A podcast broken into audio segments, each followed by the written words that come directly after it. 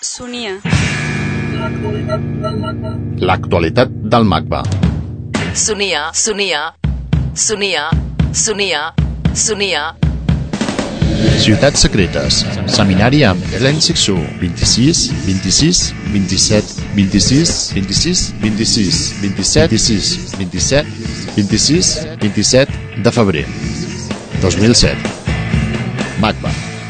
26, 27 El Sonia parla amb Marta Sagarra sobre la figura i l'obra de Len Sixu.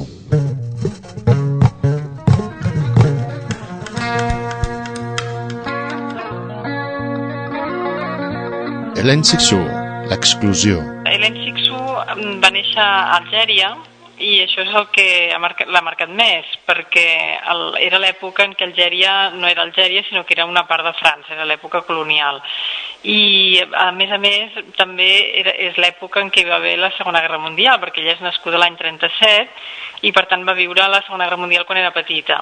I això la va marcar molt perquè la seva família, era, per part de pare, era jueva, però que feia moltes generacions que vivien allà, ja és a la ciutat d'Oran, concretament. I, per tant, estaven, doncs, era el seu país, Algèria, no? Encara que no participaven, diríem, en la comunitat més important d'Algèria en aquell moment i ara encara més, que és la comunitat àrab i musulmana.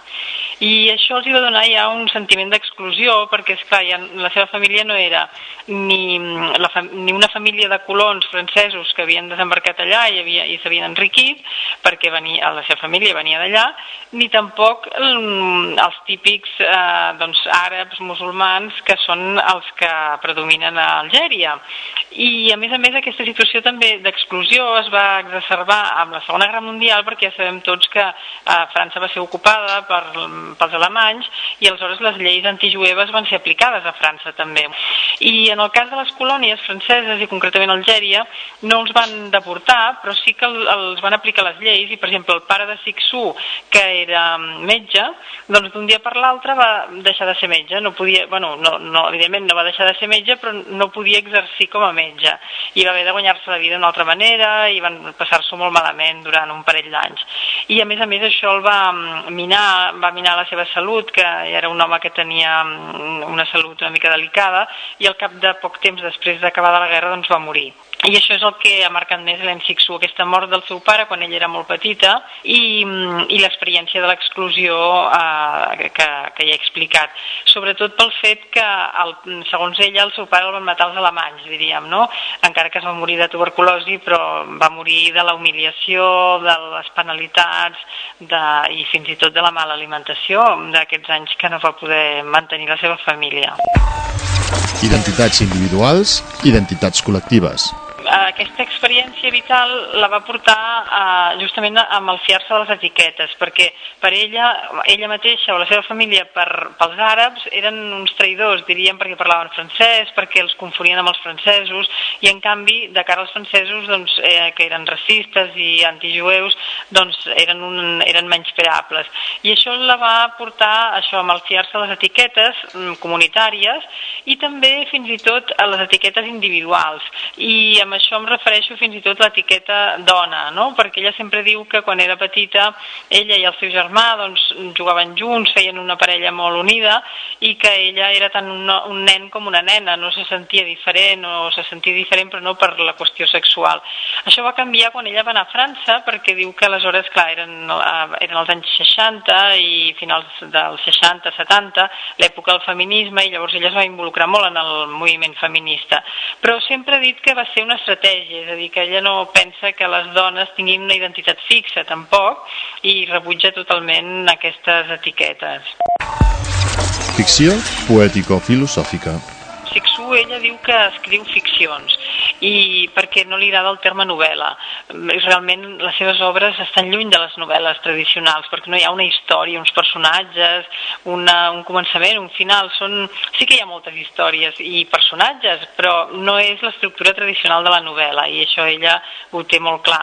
I el de filosòfica ve perquè ja des del començament, ella va començar a escriure als anys 60, però sobretot els últims 10 anys, la seva obra dels últims 10 anys, té un pes mm, filosòfic filosòfic molt important i quan dic filosòfic vull dir que a través de històries a vegades anecdòtiques doncs reflexiona sobre aquests temes tan importants com pot ser el tema de la identitat, del, de l'exclusió, eh, aquests que hem comentat abans i també altres, l'amistat, eh, l'amor, la traïció, temes realment molt abstractes i molt generals i que són temes predilectes de la filosofia.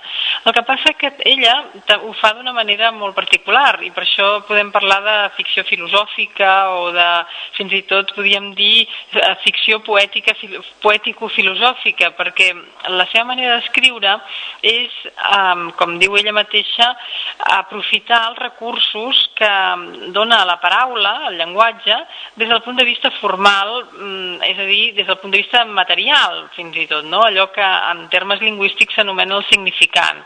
Ella agafa les paraules amb, amb, no només amb el contingut que tenen avui dia, sinó amb, amb tot el que han volgut dir des de que van néixer, en, des del llatí, perquè és una persona molt culta, a més a més, i que s'interessa per l'origen de, de la llengua, i, mm, amb el que volen dir en altres idiomes eh, també propers o no propers, eh, es fixa en la sonoritat de les paraules, es fixa, en, per tant, en les paraules com a objectes. I això ho fa perquè ella pensa que mm, el significant, la materialitat de la paraula, revela moltes vegades allò que mm, la càrrega inconscient que, que té aquella paraula, perquè no només hi ha el significat conscient, que el coneixem si som mínimament cultes de, de qualsevol paraula, sinó que també tota, tota paraula té una càrrega inconscient de la qual, lògicament, no en som conscients. I això se'ns revela mitjançant justament mm, l'aproximació de paraules entre elles, el joc de paraules, clar, tot això té molta relació també amb la psicoanàlisi. La eh, Sixu és una persona molt versada també en aquest discurs psicoanalític i això doncs, fa que, que, tinc, que tracti la llengua d'una manera molt especial. Relació amb l'alteritat, amor, desig. El tema de les relacions del jo i, i l'altre, la relació amb l'alteritat, que és fonamental amb ella, clar, no és l'única, no? perquè és un tema fonamental en general, en la filosofia, en la literatura, en la psicoanàlisi, en, en molts dels discursos humans, però en la seva obra és fonamental perquè mm, ho fa, mm, ho relaciona amb coses diverses, diríem. Per exemple, mm, un vessant d'aquesta relació amb l'alteritat és el, el tema de les comunitats, això que hem comentat de la comunitat jueva, la seva relació amb la comunitat àrab, que és un tema també molt candent avui dia, eh, la relació postcolonial, tot això és, són qüestions que li interessen molt, no només perquè les ha viscudes, sinó perquè són qüestions essencials per, pel món d'avui dia. Però, clar, també hi ha un vessant molt més individual, podríem dir, que és la relació del jo amb l'altre. I en aquest sentit, ella tracta molt el tema del, de l'amor, per exemple, el, no d'una manera convencional, explicant històries d'amor, sinó analitzant els matisos d'aquesta relació amb l'altre, d'aquesta relació de desig de l'altre, que no vol dir que sigui sempre benèfica, sinó que pot ser també eh, realment dolenta, no? o amb efectes contraproduents. Ella té molt en compte aquesta circulació de, de les identitats. No, hi ha mai, no ens podem definir mai amb una identitat fixa, no som mai d'una sola manera, sinó que eh, hi, ha, hi ha molts altres en nosaltres mateixos. Això també és una idea molt seva, molt original i ho explica molt bé, de que l'alteritat està dins nostra també. Els altres també estan en mi. De construcció, Jacques Derrida, Hélène Sixou diu que Jacques Derrida és el pare de la deconstrucció, que cosa que a ell no li agradava gaire. Mm, si analitzem la paraula, de construir vol dir veure com està construïda alguna cosa, no? I si ho apliquem al llenguatge, que és el que Derrida tenia en ment quan va crear aquest concepte, que és, de fet és un concepte que ell agafa de la filosofia alemanya, de Heidegger, o sigui que no és un concepte que surti eh, de, del no-res, i quan ell va, va crear o va, va començar a treballar amb aquest concepte, mm, parlava sobretot, feia referència sobretot al llenguatge.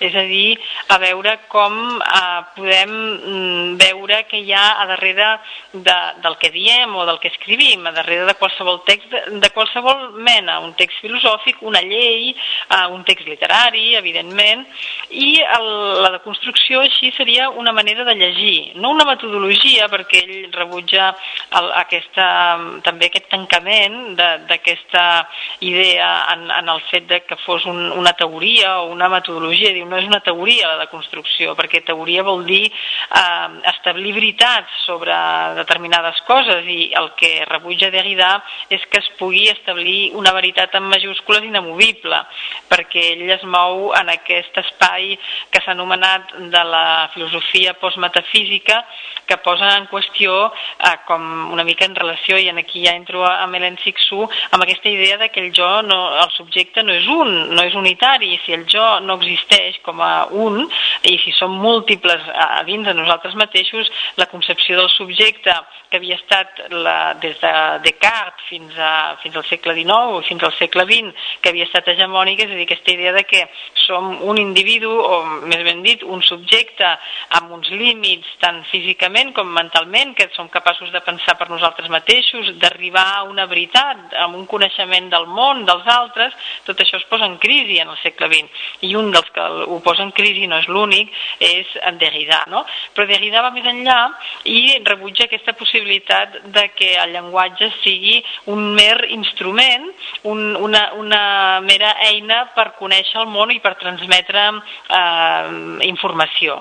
Aleshores, a partir d'aquesta idea, eh, Hélène Sixou també efectua una operació de lectura i una operació d'escriptura. Ella escriu, eh, en el sentit literari del terme, a partir de tots aquests pressupòsits filosòfics també, i per tant, per això la seva mm, escriptura és una escriptura tan, eh, tan, tan filosòfica, una escriptura que pensa tant, i a més a més una escriptura que, mm, que és molt poc fixa, no? és una escriptura molt mòbil, molt, una escriptura molt dinàmica i justament perquè és una escriptura que si es pot dir així eh, es basa en la deconstrucció tant del, de la llengua com eh, de la lectura que fa ella d'altres textos literaris i filosòfics i, i psicoanalítics també. Les ciutats. Pel que fa a les ciutats, és un tema que sempre està molt present en, en l'obra de l'Ensixu, perquè ella, eh, la ciutat per ella realment és un, eh, un organisme pràcticament viu, que ella en realitat les ciutats que ha viscut i que ha escrit més sobre elles és eh, Alger, Oran, que és la ciutat on va néixer, París també, però no tant. París apareix d'una manera més quotidiana a la seva obra, no és una ciutat Mm, sobre la qual reflexioni i faci realment grans descripcions.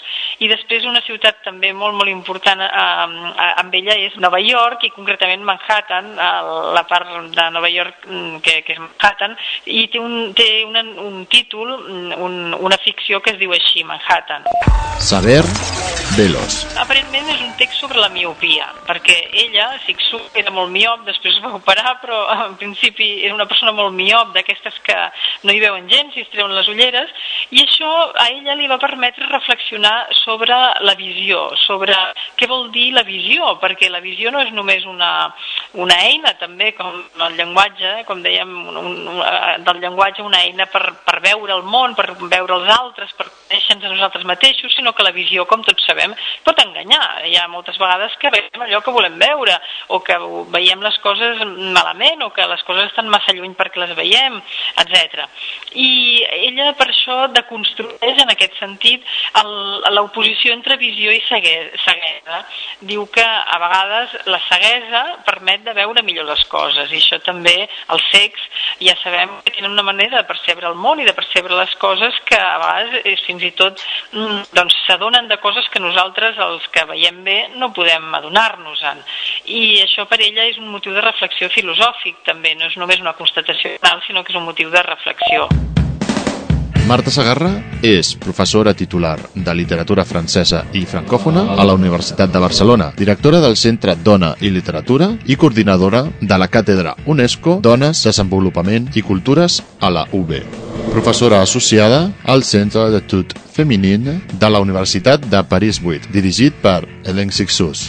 Ha publicat nombrosos articles i diversos llibres, entre ells Ver con Hélène Sixu. Creiem que hem col·laborat en aquest llibre, els que l'hem escrit, doncs que mm, Helen Sixu ajuda a veure, eh, en el sentit de mm, veure no només mm, doncs, per exemple, veure la pintura, perquè és un altre dels temes que ella també eh, li agraden molt i que té molts textos sobre la pintura, sinó a veure el món, a veure, a entendre les coses o a no entendre-les, però en tot cas a captar-les amb molta més profunditat, amb molts més matisos i eh, reconeixent també que la nostra visió té uns límits i que la nostra ceguesa pot ser igual de productiva que la nostra visió. I això penso que és típic justament d'aquest pensament de la deconstrucció que es basa en les apories, en les paradoxes, en aquesta idea de que la visió pot ser tan important o tan poc important com el seu aparentment oposat, que és la, la ceguesa. Ciutats secretes, seminari amb Helen Sixu, 26-27 febrer 26-27 febrer 2007, de febrer al MACBA, al MACBA. 3 v baixes, punt, macba, punt, es.